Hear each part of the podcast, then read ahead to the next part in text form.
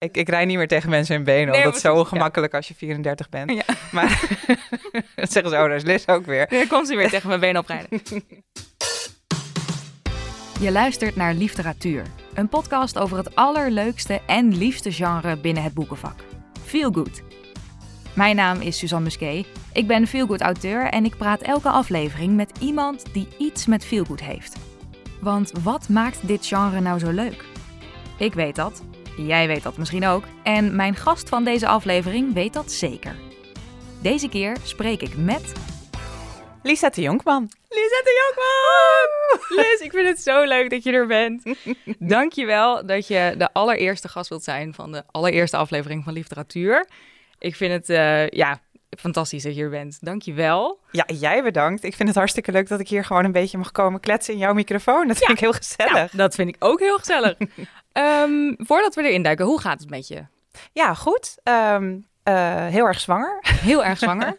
nou, wat dus grappig is, is dat we nemen dit natuurlijk een beetje eerder op. Dus de kans bestaat dat de baby er al is als de eerste aflevering. Ja, mogelijk ben ik of persende of eh, Ja. eh, nog aan elkaar groeiende als deze eh, aflevering online staat.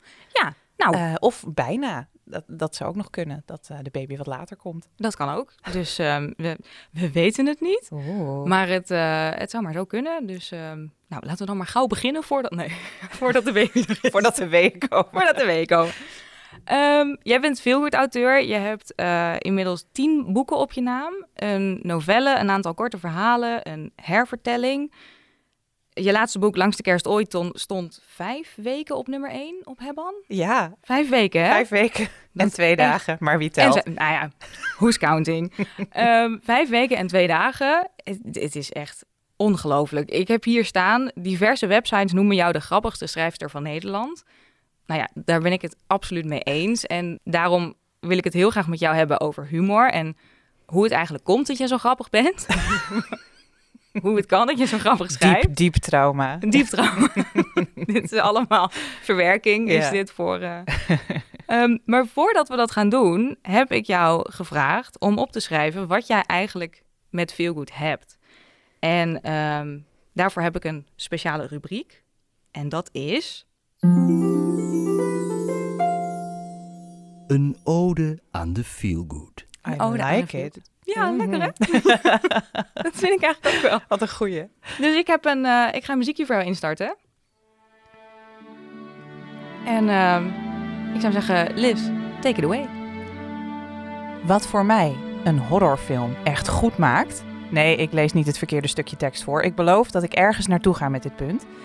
Wat een horrorfilm dus echt goed maakt, is als je zelf kunt kiezen. Of je hem wilt kijken als een domme, ik pis in mijn broek, jezus wat is dit eng, popcornvlodder. Of een film met een diepere laag, waar je nog een poosje over namaalt. Datzelfde geldt wat mij betreft voor een goede feelgood. Je kunt zo'n boek lezen als een lekker tussendoortje, waarbij je niet van tevoren op het aanknopje van je hersenen hoeft te drukken, maar ook als een verhaal met een diepere boodschap en personages die ergens voor staan. Ik bewonder de lichtvoetigheid waarmee goede feelgood-auteurs de emoties van hun lezers bespelen en toch aan het einde het bijna altijd goed laten komen. Het belangrijkste is niet het eindresultaat, want dat staat eigenlijk al vast. Wat telt is de weg ernaartoe en die voelt goed. Ah. Oh, wacht, het muziekje wordt weer uit. ja, want het duurt heel lang. Dus ik dacht, want ik, dat, we zijn allemaal van jou gewend dat je wel lang van stof bent. Dus ik dacht, ik kies een heel lang muziekje. Ik kies lekker een eh, eindeloze harp. Een heel lange harp. Ehm, ja, oh, nou, wil je er verder nog wat over kwijt? Ja, alles wat ik niet in de, eh, in de ode kon, eh Ja, kon stoppen. alles wat je niet in de ode kon Dat ga ik nu nog even vertellen. Nee, ja, eh, Feelgood. Ik, ik vind Feelgood heel fijn, omdat binnen de literatuur is er een soort, eh, bijna een soort trots als je je lezer door een existentiële crisis heen kunt trekken en in een dal stort na het lezen. En ehm, ik vind het heel fijn dat dat bij de Feelgood niet gebeurt. Bij Feelgood is het, draait het echt om dat het aan het einde weer goed komt. En het is moeilijk om echte karaktergroei te schrijven. En dat is wel wat nodig is in Feel Good. Want anders dan voel je je niet zo goed over het personage aan het einde. Ja, want best wel wat mensen denken...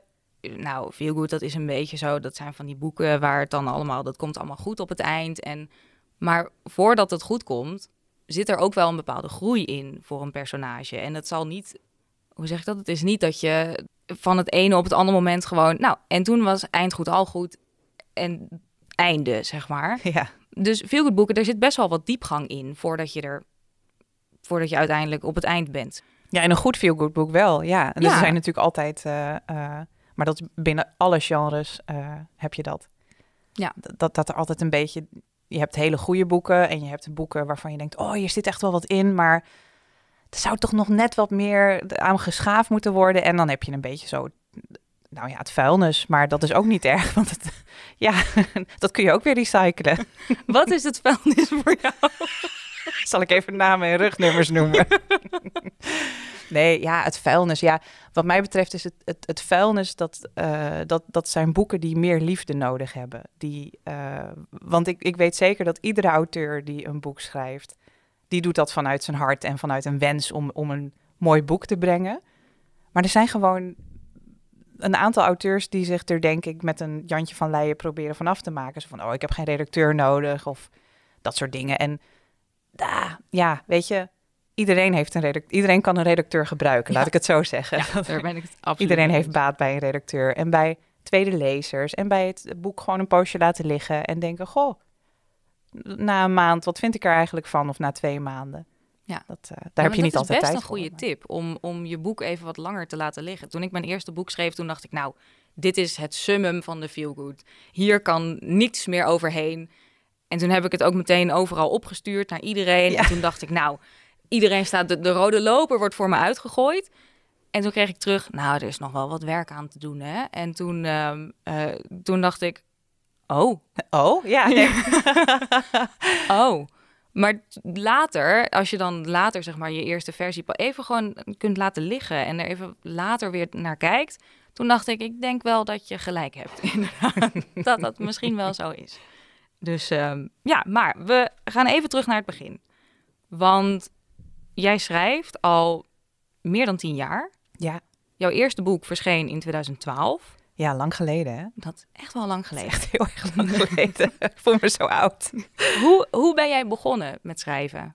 Voor de mensen die jou niet, eh, die jou niet kennen, hoe ben jij in het schrijversvak gerold? Eh, ja, ik kwam echt als een eh, jong enthousiast groentje binnen.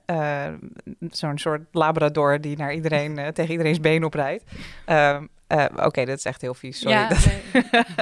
ik wil dus zeg maar, je bent toch nog steeds een labrador. Maar ja, dat ik, is... ik rij niet meer tegen mensen in benen. Nee, want dat is zo ja. ongemakkelijk als je 34 bent. Ja. Maar dan zeggen ze, oh, daar is Liz ook weer. Nu komt ze weer tegen mijn been oprijden. Ja. Nee, dus dat, eh, eh, ik, ik kwam binnen omdat ik een wedstrijd had gewonnen. Dat was de Checklit Jill Mansell schrijfwedstrijd, geloof ik dat die heette. Het was een hele lange titel. Toen was het, ja, dat is best een lange titel Ja. Het, het was van checklit.nl, bol.com, Puma Pocket en eh, uitgeverij, nou ja, Luitingseite of nu dus. En ehm, dat was een wedstrijd waarin ze zochten naar de nieuwe Jill Mansell. En daarvoor eh, was, er, eh, was hij al één keer eerder georganiseerd en toen had Astrid Harrewijn gewonnen. Dus dat is ook niet de minste naam om na te komen. Nou, ik wil zeggen, je big shoes te veel. Sterker nog, dat is zelfs toen op, op nationale televisie geweest. Ja, dat klopt. Dat er echt gewoon een heel item voor gemaakt was op RTL 4 of zo. Zo van, ja, maar de, de nieuwe schrijfwedstrijd. En eh, de, eh, toen was het ook Chicklit schrijfwedstrijd volgens mij inderdaad. Ja, klopt inderdaad. Maar dat is, dat, nou ja, waar is nu de nationale televisie? Maar goed, dat... eh, We doen nu gewoon onze eigen podcast. Dat Ja, is veel precies. leuker. precies. Maar dus, dus het tweede jaar, toen organiseerden ze hem weer. En toen zag je hem voorbij komen. Ja, ik werd erop gewezen door een vriendin. En ik deed toevallig mee aan NaNoWriMo. Dus dat is de National Novel Writing Month. Eh, dat is ieder jaar in november. Dan schrijven over de hele wereld eh, een heleboel mensen... allemaal tegelijk een boek van minstens 50.000 woorden. Het is een soort uitdaging aan jezelf. Dat is veel. Dat is heel veel, ja. best wel. Dat, eh, ja. nou ja, nu moet, moet zeggen dat rond de deadline zijn er ook wel maanden... dat ik gewoon meer dan dat haal. Maar dat... eh, Maar de onderdruk wordt... onder, alles vloeibaar. onder druk wordt alles vloeibaar. ja. En, maar toen, toen deed je dus mee? Toen deed de- ik mee, ja. Ja. Toen heb ik hem eh, ingestuurd, maar ik had hem nog niet af. Ik had mijn boek nog niet af en eh, ik had toen, ik was toen toevallig op de huishoudbeurs, want ik had kaartjes gewonnen. en toen was Luiting Seithoff daar ook met een stand, omdat Jill Mansell daar kwam signeren. Dus toen had ik aan Christel, aan de marketingmanager, gevraagd van, hey, ehm, hoe erg is het als mijn boek nog niet af is en ik stuur het in? En zei ze, weet je, niet geschoten is altijd mis. Ja. En toen dacht ik, ja, zit stuurt erin. hem gewoon in. Ik stuur Maar wat is niet af? Is het dan dat gewoon de laatste zes hoofdstukken er nog niet waren? Of was het dat je er eigenlijk nog een keer doorheen moest, maar dat het niet helemaal was zoals je... Nee, het was echt nog eh, eh, onafgemaakt. Ja, ik, Ja. Ik, hij stopte gewoon ergens eh, bij hoofdstuk, weet ik veel, ergens. en dus toen kwam ik wel op de longlist alvast. En toen zeiden ze tegen me, als je kans wil maken om op de shortlist te komen, moet je binnen twee weken dat boek helemaal afschrijven. En toen dacht ik, ja, nou ja, dat, dat moet lukken. Ik bedoel, als ik in een maand een boek kan schrijven van 50.000 woorden, dan lukt het me ook wel om die laatste 20.000 er ook nog weer bij te schrijven. Ja. Dus dat heb ik toen gedaan. En eh, toen won ik. Ja, was echt heel leuk. Ja, terwijl ik deed eigenlijk alleen maar mee voor het, eh, voor het boekenpakket. Want ik was een arme student.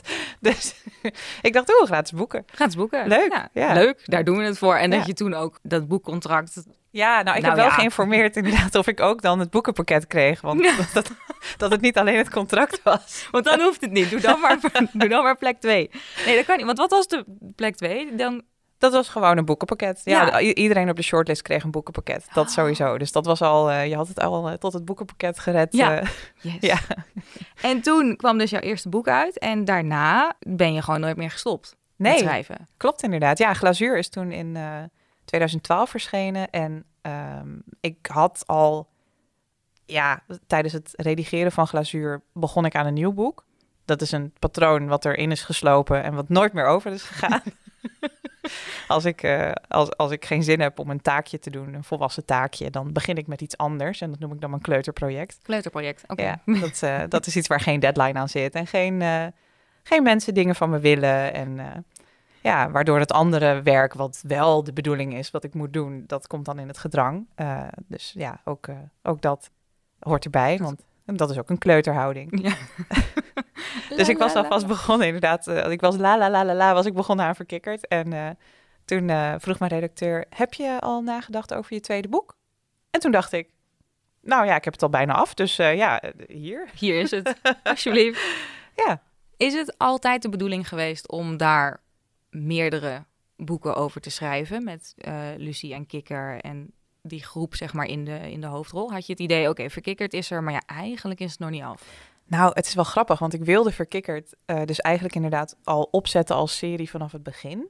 Maar in die tijd he- heerste er in de uitgeefwereld een beetje zo'n tendens van ja, maar series, series werken niet echt. Ja, ik weet niet. Er zijn altijd van die trends in, in boekenland en dat heb ik de afgelopen tien jaar gewoon heel erg gemerkt van dichtbij. Dat is op covergebied, Ja. dat is op het gebied van eh, hoe je dingen uitgeeft. Bijvoorbeeld, eh, ja, nee, e-books, hè, dat, dat gaat nooit winstgevend worden. Nou, Look at us now. ja, precies. Dat soort dingen. Of luisterboeken. Ja, mensen luisteren niet echt naar boeken. Dat is meer iets wat ze doen naar muziek. Hè? Nee. Ja, dat doet toch niemand? Ja, nou en ook met dingen die wat, een, een wat cyclischer proces doorlopen. Dus inderdaad, of series wel of niet werken. Nou, dat ligt er heel erg aan of je eh, in 2012 leeft of in 2020. Want ja, dan werken series ineens wel heel erg. Ja. En ik stel me zo voor dat er ook weer een tijd komt dat uitgevers toch tegen auteurs gaan zeggen: ja, je kunt het beste eh, toch maar weer eh, boeken gaan schrijven van, die gewoon één boek zijn. Ja.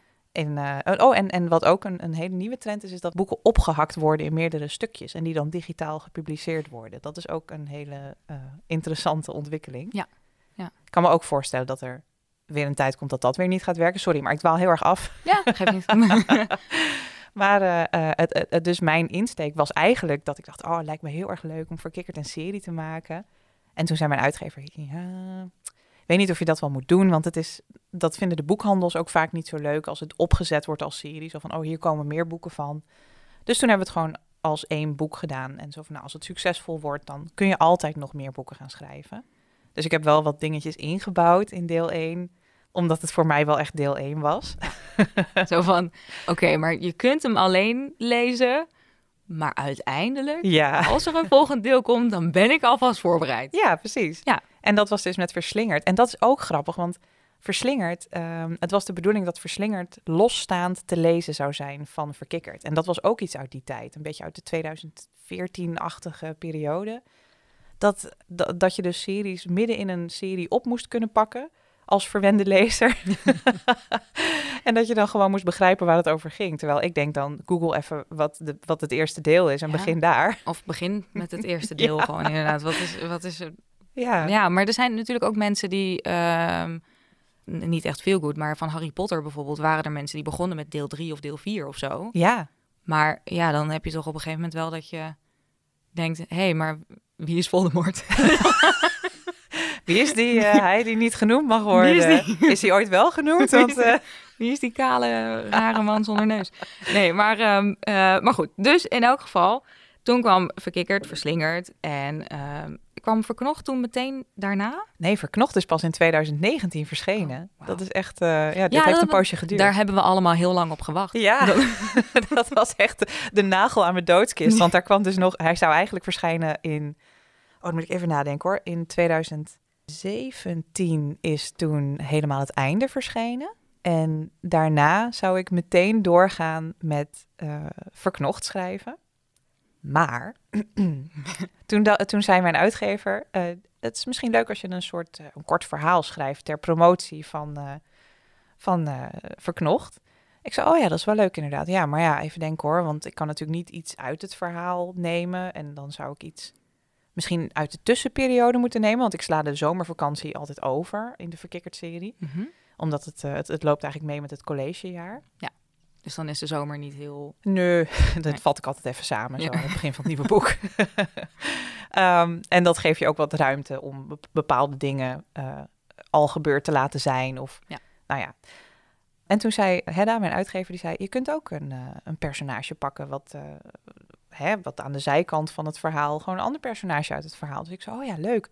En mijn eerste ingeving was Hermeline en Paladin. Ja, Maar ehm, toen zei mijn uitgever, het is wel leuk als het misschien een beetje spicy is. Dat het, want dat was op dat moment een beetje net in opkomst. Hè, dat een beetje zo de, de wat eh, eh, spannendere boeken, ja, met een beetje meer seks erin. Mhm. Eh, want, want op een of andere manier mag je dat nooit zeggen. Dan moet je altijd zeggen, ja, met een blush warning of zo. Met een blush warning. ja, maar het zijn gewoon seksboeken en dat is hartstikke leuk. Er zit gewoon seks dus- in. Ja, Ik heb een knopje voor, kijk, let op.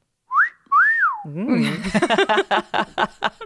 Dit is voor de... precies. Misschien moet ik ook een oh la la onder... Oeh, zo'n hele lage. Moet je Koen weer even de studio insleuren. Ja, oh, dat is een goeie.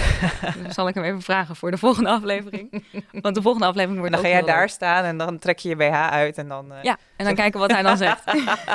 is dat niet een goed Of idee? dat, of dat op te nemen is. Dit klinkt Ja. als een heel goed plan. Maar, eh, ehm, eh, dus eh, ja, toen dacht ik eerst Hermeline en Paladin. Maar goed, Paladin is een hele grote, nogal stinkende nerd. Zijn hygiëne is wel aanzienlijk verbeterd sinds hij verkering heeft met Hermeline. Maar nou, ik dacht, ik weet niet of mensen er echt op zitten te wachten om een X-rated versie van Hermeline en Paladin te krijgen. Dus toen dacht ik, oké, hebben we nog... Ja, we kunnen eigenlijk alle mensen uit het fort vallen af. Want dat zijn allemaal, nou ja, nerds. Ja. En ik dacht, als ik dan toch een seksboek ga schrijven, dan wil ik gewoon een beetje aantrekkelijke mensen. Misschien dat ik later een keer wat, eh, wat, wat, wat wegen ga verkennen, maar dit, eh, het leek me wel fijn om makkelijk te beginnen. dus ik dacht, oké, wie is knap? Abby. Abby is knap. Ja. Ja, nou, Abby. Nou, wie is er nog meer knap? Ja, nou ja, op een gegeven moment heeft Abby natuurlijk... Nou ja, dit is ook niet echt een spoiler, want de, de hele serie draait om hun. Op een gegeven moment heeft Abby iets met Verdi. En dat zag Lucy, de hoofdpersoon van de Verkikkerd-serie, helemaal niet aankomen. Dus het- ik dacht, oh, dat is wel leuk als ik daar dan een soort... Hoe hebben ze elkaar eigenlijk leren kennen? En hoe is dat ontstaan? eh, en hoe gaat het verder eh, over schrijf? En als daar dan even een kort verhaal over zou kunnen komen. Ja. Dat was, Ja, ik dacht, het is leuk als ik daar gewoon een leuke, steamy eh, verhaaltje over maak. Ja. Dus nou, dat, dat had ik helemaal bedacht. En ehm, dat zou dan ongeveer 25.000 woorden worden. Nou, Mhm. een, een echt, een heel boek is rond de 80.000 woorden ongeveer, toch? Ja. Zeg ik dat goed? ja, Ja, hè? Ja, dus eh, dat Jouw zou dan... boeken eh, niet, maar... Nee, een gemiddeld boek. ja, mijn, mijn boek is... Nou, een glazuur is wel eh, vrij dun. Maar Ja. ja, dat was ook mijn allereerste. Ja. Sindsdien zijn ze eigenlijk alleen maar dikker het geworden. alleen maar dikker geworden. Ja, dus toen dacht ik, nou, hè, 25.000 woorden. Nou, hoeveel tijd heb ik daarvoor nodig? Dat, dat kan ik wel in een, in een maandje of zo, tik ik dat eruit. En we waren op eh, vakantie in Marokko. En eh, eh, nou, iedere keer als we dan ergens aan waren gekomen, ging ik nog eventjes een uurtje schrijven. En op een gegeven moment toen dacht ik, oh, even kijken hoeveel woorden ik al heb. En toen dacht ik, oh, nice, ik heb er al 20.000. En ik stond er helemaal niet bij stil dat het verhaal... Ik ging er eigenlijk vanuit dat het verhaal zichzelf dan wel zou afronden. dus daar schreef ik zo heen. Zo van, nou ja, ik stuurde ook nog heel braaf een mailtje naar Hedda met... Oh ja, ik ben... Nou, eh, 20.000 onder. ik heb al 20.000, dus ik ben bijna klaar, joh. Eh, het verhaal, ik ben aan het afronden. En ehm, sindsdien is Hedda ook altijd heel erg eh, op de hoede als ik zeg... Ik ben nog niet klaar, maar ik ben aan het afronden. Dat snap ik. koopt ze ja. volgens mij 100 pagina's extra in. Oké, dus dan wordt het ongeveer 150.000 woorden. Nee, oké, dan weten we. ja, want toen eindigde het dus met... Nee, uiteindelijk was hij af. En toen zei jij, maar ik denk dat dit het eerste deel wordt van... Ja, want Hedda die zei, oh, maar dit kunnen we wel ophakken dan. Als dit, hè, want ik leverde dus een verhaal in van 60.000 woorden, 65.000 woorden. En toen zei Hedda, oh, maar dit zouden we dan gewoon in drie delen kunnen publiceren. En dan als digitaal eh, Ja. verhaal. En toen zei ik, ja, dat zou kunnen. Maar dit is dus het eerste deel van een trilogie, heb ik ontdekt. Heb ik kwam Ja. ik ook net achter. Ja, ik wist Ja. het ook niet, maar dat schijnt, hoe het, eh, het schijnt zo te zijn. Ja, toen eh, uiteindelijk ontstond daaruit de Onbreekbaar-serie. En dat zijn dus drie hele boeken. En drie hele fijne boeken ook. Even dat even al. Dankjewel. Ehm, maar nu is het dus zo, ik zei het net al, je hebt eh, vijf weken en twee dagen op nummer één gestaan met je nieuwste boek, Langs de Kerst Ooit. En ik vind dat, nou ja, ik, ik heb veel medestanders daarin als ik zeg dat het toch echt wel, ik denk je beste tot nu toe is. Dank je. Mede omdat het gewoon heel erg grappig is. Ik bedoel, Langs Kerst Ooit gaat over Noelle, die wakker wordt op eerste kerstdag en denkt, dit is mijn lievelingsdag, het is mijn verjaardag, er gaat niets boven kerst. En dan is uiteindelijk de hele dag is eigenlijk een soort enorme chaos. En dan denkt ze, nou, oh, ik ben eigenlijk toch wel blij dat het niet elke dag eerste kerstdag is. En dan wordt ze de volgende dag wakker op eerste kerstdag. Eerste kerstdag. Jazeker. En ehm, dus ik heb een aantal quotes eventjes uit jouw boek gehaald, want je bent hier natuurlijk om te praten over humor. En ik heb dus een aantal quotes, onder andere waar ik dus heel erg hard om moet lachen, want dan heeft, op een gegeven moment zegt Noelle een keer, net wanneer ik me een tikkeltje Silence of the Lambs begin af te vragen of Florian het wellicht beter zou doen als lampenkap dan als broer, leunt Claudia met een luide kreun voorover om toch maar wel een bonbon te pakken. nou, ik moest echt heel erg hard lachen. Dankjewel. Maar ook mijn bloed verandert op slag in ijs. En niet van het mooie, heldere ijs waar je op kunt schaatsen. Maar de troep die je twee dagen na een goede sneeuwbui in de goot aantreft. Nou ja, hoe, hoe kom jij op dit soort dingen? Hoe, hoe ben jij zo grappig? hoe werkt dat? Hoe ben jij zo grappig? Dat is de moeilijkste vraag die iemand me ooit heeft gesteld. Nou, dat is ook nog weer, daar, daar, wordt- daar, daar is ook nog discussie over. Want als je op Hebban kijkt, dan zijn er ook mensen die zeggen... ehm, de schrijfstijl is geforceerd en de, de schrijfster probeert veel te hard grappig te zijn. En dan denk ik, ja, dat, dat kun je vinden. Ja, dat mag. dus het is ook niet iedereen's kopje thee. Maar ik denk ook dat het niet mogelijk is om iedereen's kopje thee te zijn. Ja. Ehm, nou, wat ik altijd probeer te bedenken is als ik een... Zoals bijvoorbeeld die, die quote over Florian, eh, die jij net uitlichtte over die lampenkap. Ik wilde eerst, eh, eh, want, want ik wilde inderdaad iets doen van dat ze hem ging fillen. Dus van, ik zou mijn broer wel willen fillen. Maar ja, dat is een hele standaard zin eigenlijk om te zeggen. Dus wat je dan kunt doen, is dat je impliceert dat ze hem vilt. en dan zeg maar het eindresultaat. Wat, want wat doe je met die huid van iemand die je gevild hebt? Ja, Ja. ja. maak Weet je daar handschoenen van? Maak je daar een lampenkap van? En toen dacht ik, ja, even kijken hoor. Wie zijn beroemde...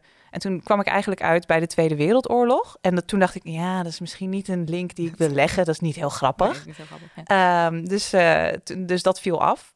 En toen dacht ik, oké, wat voor dingen hebben we nog meer met, met huid, zeg maar, met gefilde... ja, dan ga je eigenlijk gewoon heel cynisch en, en droog daarmee te werk. Want ik vond wel die, die, die filmmetafoor... Ik, ik geef, als ik een metafoor in mijn hoofd heb, dan geef ik hem niet snel op. Dus dan ga ik er wel echt heel erg mijn best voor doen om hem te laten werken.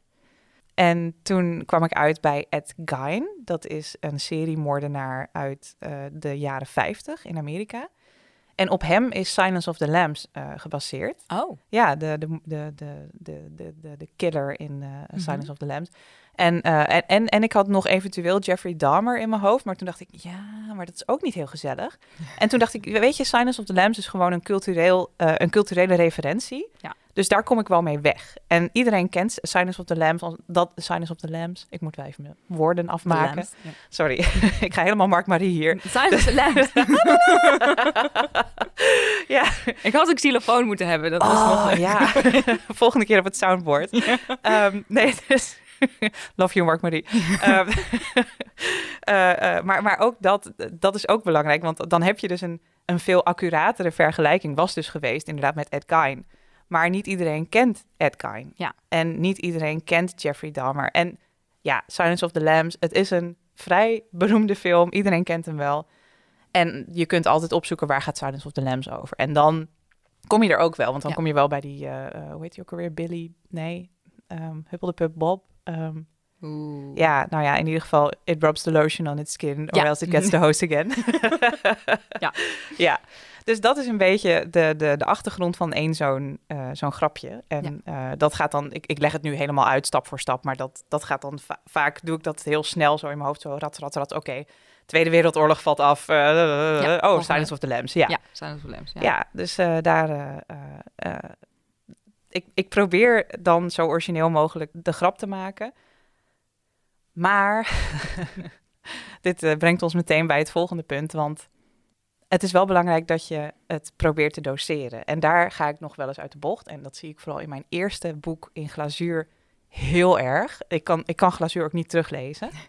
Laatst stelde iemand voor dat ik glazuur zou gaan eh, opnemen als audioboek zelf, omdat het best wel een kort boek is. En eh, nou, dat was wel, was wel een mooi klusje. Ik zei nee, sorry. Nee. niet doen. nee, ik hou van glazuur en van alles wat het me gebracht heeft. Maar ik kan het absoluut niet meer teruglezen, want Nee. er staan zoveel dingen in waar ik niet meer achter sta. Of waar ik, die ik heel anders zou willen. Of ik ben bang dat ik dan het hele boek ga herschrijven. En daar heb ik geen tijd voor, want ik heb veel leukere andere ideeën. ja. Want heb jij, is het gewoon puur doordat je eh, veel schrijvervaring hebt, veel meters hebt gemaakt, dat je veel beter weet wanneer doseer ik iets, hoe doseer ik iets, wanneer moet deze metafoor werkt niet, deze moet eruit. Dat soort dingen, k- leer je dat gewoon vanzelf? Ja, ja, ik denk dat dat, dat echt iets is wat met, wat met ervaring komt. Ehm, want ik zie heel veel, ik wil zeggen jonge schrijvers, maar dan voel ik mezelf zo'n bejaarde. Ik zie heel veel onervaren schrijvers. die Jonge nog niet, schrijvers. ja, je weet nog wel vroeger. Van die groentjes. Die tegen iedereen's been oprijden. Dus eh, die, Labradors. die, eh, die zie ik dan ook hetzelfde doen. Het- Dezelfde enthousiaste fouten maken als ik. En want ja, het is wel. Moet ik het een fout noemen? Nou ja, echt een fout is het niet. Maar ik weet wel dat dat dan dingen zijn waarvan die schrijvers zelf, als ze een poosje meedraaien, later ook gaan zeggen: Oh ja. Ja. Oh ja. Ja. Ja, dat had ik toch wel eventjes wat anders kunnen doseren. Of dat had ik wel eventjes. de- de- Mensen die eh, bijvoorbeeld net iets te lang doorgaan op hun grap in een boek. En dat doe ik in het echt ook wel. Maar dan, dan vertel ik het. En als ik het lees en als ik het zelf schrijf, dan probeer ik het precies goed te doseren. Zonder dat het eh, vervelend wordt. Maar dat had ik zelf in, in, mijn, in mijn eigen eerste, eerdere boeken inderdaad ook. Dat ik ook denk, oh ja, hier wil ik heel graag Ja, grappig jij zult dat zijn. herkennen inderdaad. Ja, Ja, ik, ik wil hier heel graag grappig zijn en ik wil heel graag een, een originele metafoor en, een, en dat het allemaal, oh, wat, wat, wat, wat, doet ze het, eh, wat doet ze het leuk, zeg maar zo. En soms dan merk je gewoon dat het geforceerd grappig wordt. En dat de enige manier waarop je, eh, hoe je dat kwijtraakt, is eigenlijk inderdaad, denk ik, gewoon meters maken. Ja, En- en, en, soms iemand hebben die tegen je zegt... Ik denk dat het leuker wordt als je van deze drie grapjes er één kiest... en dat die dan die alinea opleukt en dat de rest dan... Ja. Ja, of, of dat het begin van het boek super grappig is... en dat het niet erg is dat het daarna wat meer om het verhaal draait... en wat minder om de stijl, omdat je lezer dan toch al meegesleept is. Heb jij bepaalde tools die je gebruikt om, eh, om grappig te zijn, om humoristisch te schrijven? Ehm, nou, ik denk Ja, dat het brein, vooral... natuurlijk. Ja, maar, gewoon flipperkast. Ja. Mijn brein. Ploem, ploem, ploem. Oh, daar we weer wat. Mijn man die zei ooit een keer tegen mij... Jezus, het lijkt me echt de hel om in jouw hoofd te wonen. dat is wel een beetje waar. Ja, ehm, eh, ja bepaalde tools. Mijn, mijn grootste tool is dat ik mezelf in de eerste versie niet censureer. Dus dat dan... Hè, als ik dan even niks beters kan verzinnen dan een grap over villen... die dan terugleidt tot de Tweede Wereldoorlog... dan laat ik hem maar even staan en dan denk ik, weet je, hier komen we later wel uit. Maar ehm, ja, en vooral de tweede ronde streng durven zijn voor jezelf. En dingen aannemen van proeflezers en van je redacteur. Ja. Hoe moeilijk dat soms ook is. Ja. Misschien moet je hem toch loslaten, dit grapje. Misschien ja, want dat, is, dat ja. is het vervelend. Als je inderdaad heel erg je best hebt gedaan op een grapje of op een metafoor. En als het toch niet blijkt te werken of als mensen hem niet snappen. Ja. En dan, ja, als je daarvan twee mensen een, een opmerking over krijgt, dan is het eigenlijk al gedaan met die. Dan, dan kan die er gewoon uit. Ja. Dan is het gewoon klaar. En toch is dat, dat blijft gewoon lastig. Ja, wat mijn oplossing daarvoor, want ik vind het ook heel moeilijk om dat dan los te laten, is dat ik, ik heb een documentje en dat heet vuilnis. en eh, ja, ik, ik heb iets met vuilnis. Ja. Ja. dat is vuilnis. En vuilnis, daar staan al mijn afgedankte grapjes in. En soms dan scroll ik even door vuilnis heen. En dan denk ik, staat er nog wat tussen? Kan ik hier iets van gebruiken in dit boek? Nee, eigenlijk tot nu toe nog niet. Dus het is altijd wel terecht dat vuilnis vuilnis is geworden. Ja, maar toch, om het, dan hoef je het niet echt weg te Nee, gooien. dan bestaat het nog ergens. Ja, dat vind ik wel een, eh, dat vind ik een hele goede om... eh, Een soort ceremonieel afscheid. Ja, dan is het er nog. Zonder dat je het overboord hebt gegooid en hebt verbrand. En eh, ja, dan is het er nog. Ehm, ik heb jou ook gevraagd om, te, om na te denken over boeken die jij zelf heel grappig vindt. En je hebt er een aantal meegenomen. Wil je me daar wat over vertellen? Dat Wat heb, ik. je, wat, wat, wat heb je uit jouw boekenkast gehaald? Nou, ehm, ik heb niet echt dingen uit mijn boekenkast meegesleept. Want het probleem met hele leuke boeken is dat ik ze uitleen aan andere mensen. dus ik dacht, oh leuk, die. Oh, die heb ik uitgeleend. Oh, die ook. Oh, die heb ik uitgeleend. Oh, die heb ik ook uitgeleend. Dus Dus mentaal heb jij een paar boeken meegenomen. ja, ik heb in, in mijn telefoon heb ik een aantal quotes over bepaalde boeken. En, en het, denk ik, op dit moment het, het grappigste boek. Het boek waar ik zelf keihard om heb moeten lachen. En dat is eh, Boyfriend Material van Alexis Hall. Maar dan wel in het Engels. Oké. Ja, want eh, er is ook een Nederlandse versie van. Maar Mhm. ik, ik heb hem zelf nog niet gelezen. Maar ik hoor van heel veel van mijn lezers die zeggen... ja, ik vind hem niet zo goed werken in het Nederlands. En dat is dan toch omdat sommige Britse grapjes of Britse humordingetjes... zich niet helemaal laten vertalen. Of ja, ik weet het niet hoe dat precies eh, is gegaan. Want ik heb hem dus zelf niet in het Nederlands gelezen. Alleen in het Engels. En, eh, maar ik heb, echt, ik heb echt zo hard gelachen. Even kijken hoor. Het, het, oh, sorry, ik zal nog even vertellen waar het over gaat. Het gaat over eh, Lucien. Of eigenlijk is zijn naam Lucien, maar iedereen noemt hem Luc. En hij ehm, is een extravert persoon. En zijn vader is een uitgerangeerde rocker uit de jaren tachtig. Zijn moeder is een hippie rockster uit de jaren tachtig... die op een gegeven moment gewoon van de, van de kaart is verdwenen. Zo van, nou, ik doe niet meer mee aan de muziekscene, laat maar. En die twee zijn, eh, eh, die zijn getrouwd in een soort cocaïnewaas. die hebben hem gemaakt. En toen zijn ze weer uit elkaar gegaan. En zijn vader heeft ook eigenlijk de rest van zijn leven... nooit meer aandacht aan hem besteed. Maar eh, de pers, de Britse pers, weet hem altijd wel te vinden. En hij rolt dus eigenlijk van schandaal in schandaal. En hij vindt dat helemaal niet leuk, maar ja, dat is gewoon een beetje zijn leven, blijkbaar. Mhm. En hij werkt voor een eh, eh, liefdadigheidsorganisatie die zich focust op, eme, eh, hoe heet het, strontkevers? Is, is daar een... Mijkever? Nee, Nee, niet. mijkevers niet. De rondkevers, denk Ja, ik. We, we houden het op strontkevers. Dat, is, zijn, dat- zijn geen mijkevers. Of wel? Nou, Mestkevers. Mestkevers. Hey. dat is hem. Strontkevers vind ik een leuke naam. Ja, precies. Heb je het toch weer strontkevers. over poep eh, weten te krijgen? Yes. Ja, dat poep kleeft. Ik wou zeggen poep kleeft aan mij, als maar dat het zit altijd een beetje poep aan mij. Oh. Ja. Ja. er zit altijd een beetje... Ja, nee, dat... eh, Oké, ga verder. Sorry. Ja, sorry, maar hij werkt dus voor een liefdadigheidsorganisatie die zich eh, eh, richt op de, de mestkever en het behouden daarvan. En daar werkt hij met een aantal zeer excentrieke figuren. En zijn baas, die zegt op een gegeven moment tegen hem, nadat hij met het zoveelste schandaal in de krant is gekomen, ehm, ja, sorry Luc, maar ik ben bang dat ik je moet ontslaan als je niet voor het, het benefietgala wat we binnenkort hebben, als je dan niet een, eh, een respectabel vriendje opduikelt. Want onze donoren eh, vinden, het, eh, vinden je nogal een, een extravagante homo en daar houden ze niet zo van. Dus dan heeft hij dus eigenlijk een, een ja, hij zegt dan zelf, a nice gay. I need a nice gay. en eh, eh, dan zegt zijn, eh, zijn beste vriendin, die zegt, oh, dat, dat, ik, ik ken iemand, maar zij probeert hem al jaren aan hem te koppelen. En Luc zegt dan, ja, die heeft hem ooit afgewezen, zo van, ja, nee, maar alleen maar omdat we allebei homo zijn, betekent niet dat we met elkaar naar bed willen of zo. Ik bedoel, jij wilt toch ook niet met iedere hetero man naar bed?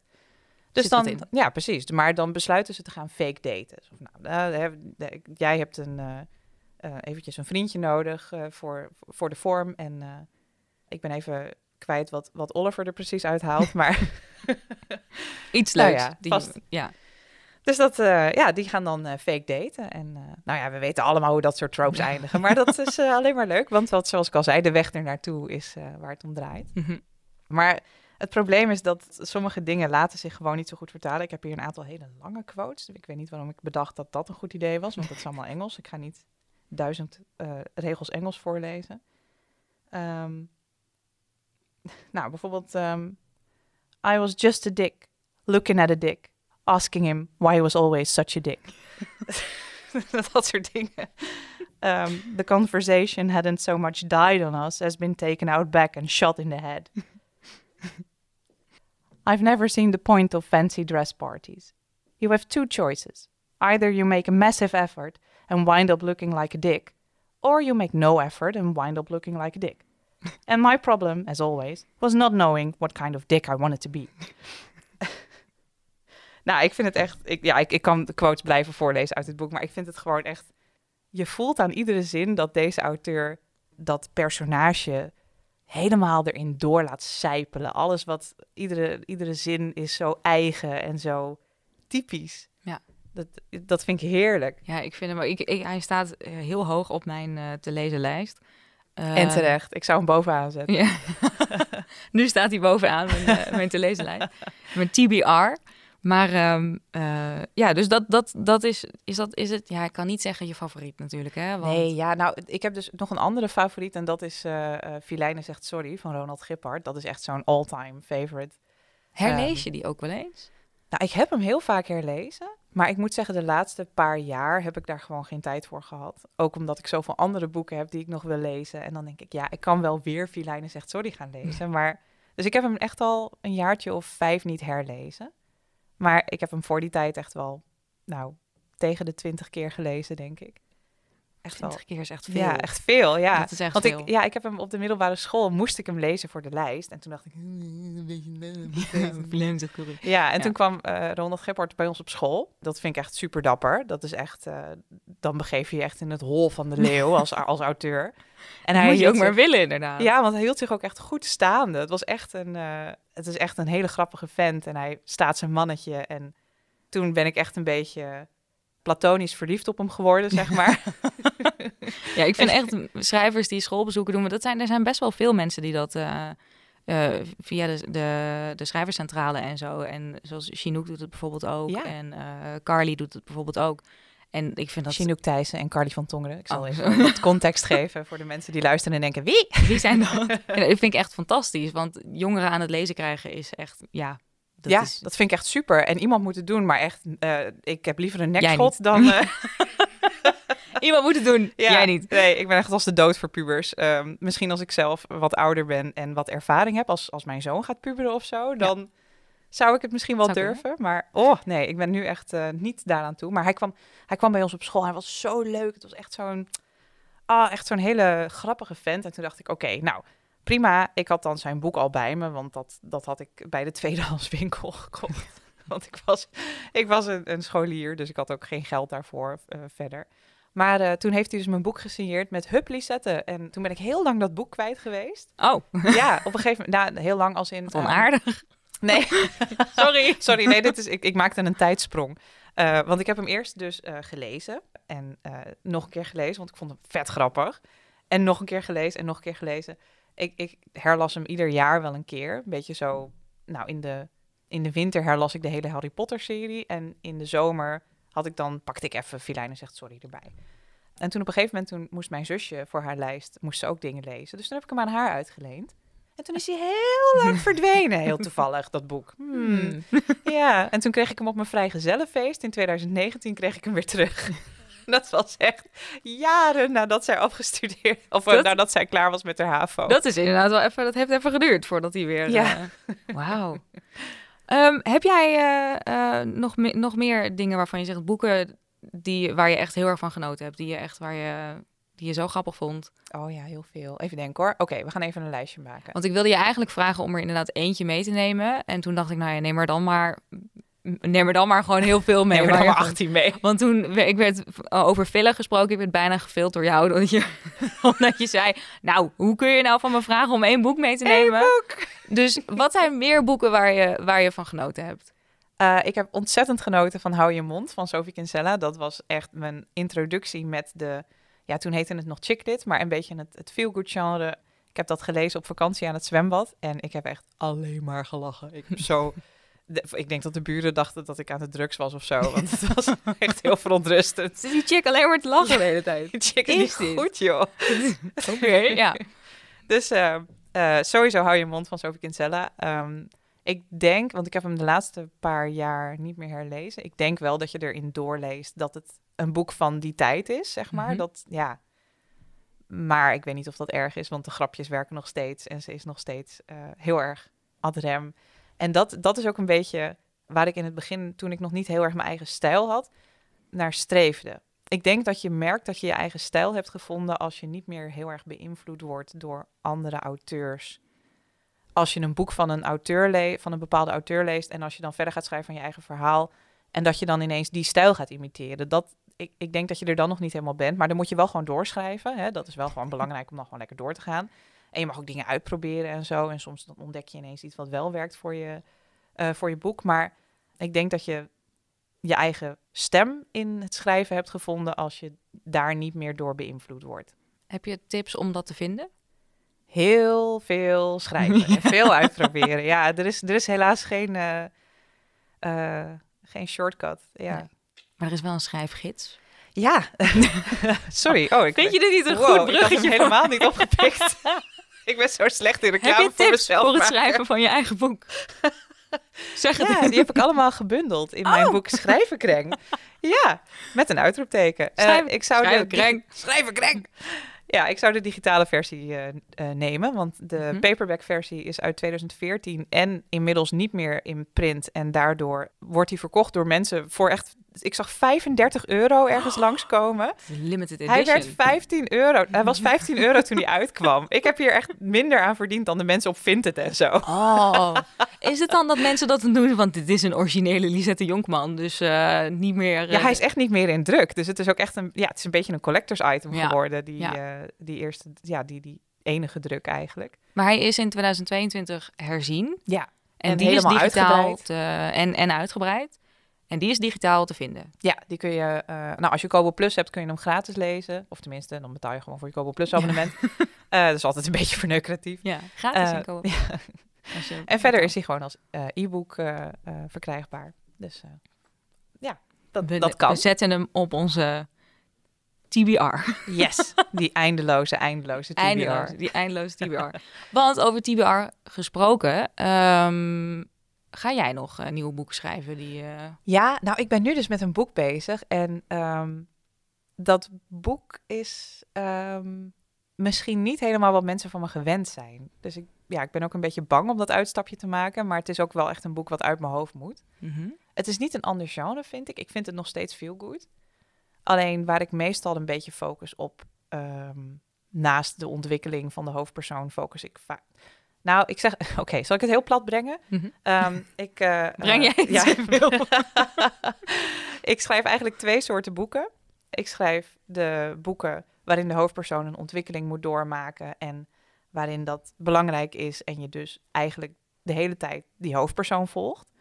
En er is wel liefde, maar dat is niet de hoofdlijn. Mhm. En dan schrijf ik de boeken waarin je eigenlijk voorna- voornamelijk denkt: oh, wanneer gaan ze nou zoenen? En Wanneer wordt het nou... eh, Ja. Precies. ja, dus eh, ehm, en eh, ik denk dat mensen na langs de kerst ooit verlangen naar een wanneer gaan ze nou zoenen boek. mhm. Maar het is een beetje toch meer een, een ehm, ja, hoe, hoe gaat de, de hoofdpersoon zich hieruit redden en hoe ontwikkelt dit zich? Mhm. Maar het is wel veel goed. Ik, ja, ik vind het zelf wel feel good. Ik ga je niet vragen wanneer we hierop kunnen. Want je moet ook nog een, eh, een, eh, een baby eh, op de wereld zetten. En, maar dat is dus je, je schrijfproject wat op dit moment. Ja, dat- is het eerstvolgende wat ik wil gaan schrijven. En verder Ja. heb ik nog een, een kort verhaal dat verschijnt binnenkort. Oh, als, het, als de podcast uitkomt, dan is het al verschenen. Te grazen heet het. Grazen. En eh, dat ken jij heel goed. Want Dat ken eh, dat is eerder verschenen in de Romcomnibus. En daar eh, stond jij ook in met Mhm. een verhaal. En jij zat ook in de jury. En dat is nu los te lezen als e-book. En het, het allerleukste hieraan vind ik... Ik heb zelf het e-book of het luisterboek ingesproken. Dus mensen kunnen nu kiezen of ze willen dat jij Of het ik het boek voor- voorleest. Omdat jij of het dat ik voor- het voorlees. Dat vind ik echt wel heel grappig. Dit vind ik echt, het- dit vind ik gewoon, eh, je hebt gewoon keuzes. Dat, eh, Ja. Je hebt heel af en toe of je Vlaams of, of Hollands, zeg maar, wilt. Mhm. Maar ik vind eh, twee, eh, twee Hollandse schrijfsters die aan je voorlezen, vind ik gewoon echt luxe, vind ik. Ja, pure, pure luxe. Pure luxe. Ja, En als we het toch hebben over de lezenlijsten en, en TBR's en boekentips. Eh, waar ga je dan naartoe als je dus echt inderdaad een, een, een goede boekentip wil? Ja, die krijg je van de boekhandelaar. ja uiteraard. Dus ik heb in deze gloednieuwe rubriek, Oeh, alles is gloednieuw. alles is gloednieuw, Alles glimt nog. heb ik, eh, en daar heb ik ook een knopje voor, die ga ik eventjes eh intoetsen.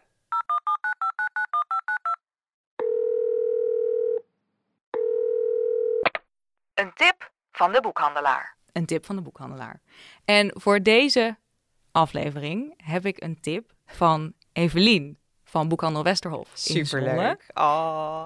Ja, dat, je, je hebt een aantal keer je boekpresentatie bij Westerhof gedaan, toch? Ja, ik ben echt heel erg fan van Evelien. Dat is echt gewoon een heel Zijn- leuk mens. iedereen is fan van Evelien. Ja, dat is waar. Iedereen is fan van Evelien. Niemand is niet fan van Evelien. Nee, en, en Evelien is dus fan van een bepaald boek.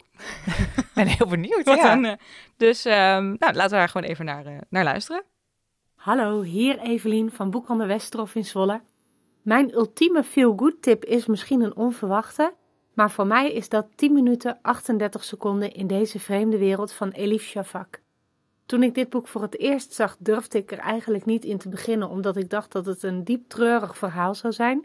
Uiteindelijk ben ik er gelukkig toch in begonnen en daarna was ik zoveel gelukkiger dan voordat ik aan dit boek was begonnen. Het gaat over een prostituee die vermoord achtergelaten wordt in een vuilcontainer. En in die laatste momenten van haar leven vraagt ze zich af hoe het nou zo ver heeft kunnen komen met haar. En de herinneringen die ze heeft zijn aan de verschillende vriendschappen die ze heeft gehad, aan alle soorten mensen die ze heeft ontmoet en hoe die haar leven mooier hebben gemaakt. Het is een boek over waarom het leven prachtig is en waarom we blij mogen zijn dat we het mogen leven. Schitterend. Echt een feel-good aanrader. 10 minuten, wauw. 38 seconden in deze vreemde wereld van Elif Shafak. Dus toch vuilnis. Dus toch- Wat goed. Wauw. ja, ik, ik, ik vind hem dus echt heel bijzonder. Omdat het een. ehm, eh, wat ik heel graag met deze podcast ook een soort van de wereld in wil brengen, is dat dus Feel Good is heel breed. Mm. En ehm, onder andere dus, nou ja, wat Evelien dus net vertelt, dat het begint met iemand die in een vuilcontainer ligt. Ja, En dat je dan toch uiteindelijk dat boek dichtslaat en dan denkt, wauw, dit vond ik echt heel erg leuk en heel erg mooi en bijzonder. Ja, daar hou ik gewoon terwijl de van. hoofdpersoon aan het, aan het overlijden is. Ja, en Ja. dat vind ik toch gewoon, nou ja, dat is, ehm, dus ik, ik, ik ben heel benieuwd. Ehm, lieve Evelien, dankjewel voor je, voor je tip. We zetten hem eh, op onze lijst. Oh, absoluut. Ehm, en Liz, ja, ik denk dat we daarmee aan het einde van deze podcast zijn gekomen. Dank je wel dat je te gast wilde zijn. Dankjewel dat ik mocht komen. De afleveringen van dit seizoen eh, komen elke twee weken op vrijdag online. Eh, bij deze wordt het officieel Feel Good Friday, heb ik er even van gemaakt. dat doet Sky Radio Ja, ook, dus dan doen wij, eh, doen, ik doe dat ook. En ehm, rest mij alleen nog maar een paar huishoudelijke mededelingen om te zeggen. En dat is ehm, onder andere dat ik in de volgende aflevering spreek met Marijke Vos over de knappe love interest. Daar is het fluitje weer. ik zat te wachten op het fluitje. Dat, eh, ja, dat wordt, dat, dat wordt gewoon superleuk. En ehm, Nu al ik, zin in. ik, heb daar, ik heb daar ook heel veel zin in. En Liz, ehm, we kunnen jou natuurlijk volgen op Instagram. Ja, Lis1988. Je kunt ook Lisette Jonkman volgen, maar dat ben ik niet. Dat is een sportinstructrice uit Groningen. Oh ja, Dus nou ja. Dat Voor ben ik heel erg niet. Ja. Voor alle fit tips zou je bij... eh, nee, dan eh, volg jou via Liz1988. Je kunt literatuur volgen, eh literatuur. Je kunt mij volgen, Suzanne Meskee. En ehm, check natuurlijk ook de boektip van Evelien en alles wat Liz zojuist heeft gezegd. Heel veel boekentips. En ehm, ik ehm, heb eigenlijk niks anders meer te zeggen dan nogmaals bedankt dat je er was. Alle luisteraars, dankjewel voor het luisteren. En tot de volgende. En moet je dan zeggen, veel liefs? Oh, dat vind ik wel een hele mooie. Dan zeg ik niet tot de volgende, dan zeg ik tot de volgende. En veel liefs. Ja. Doei.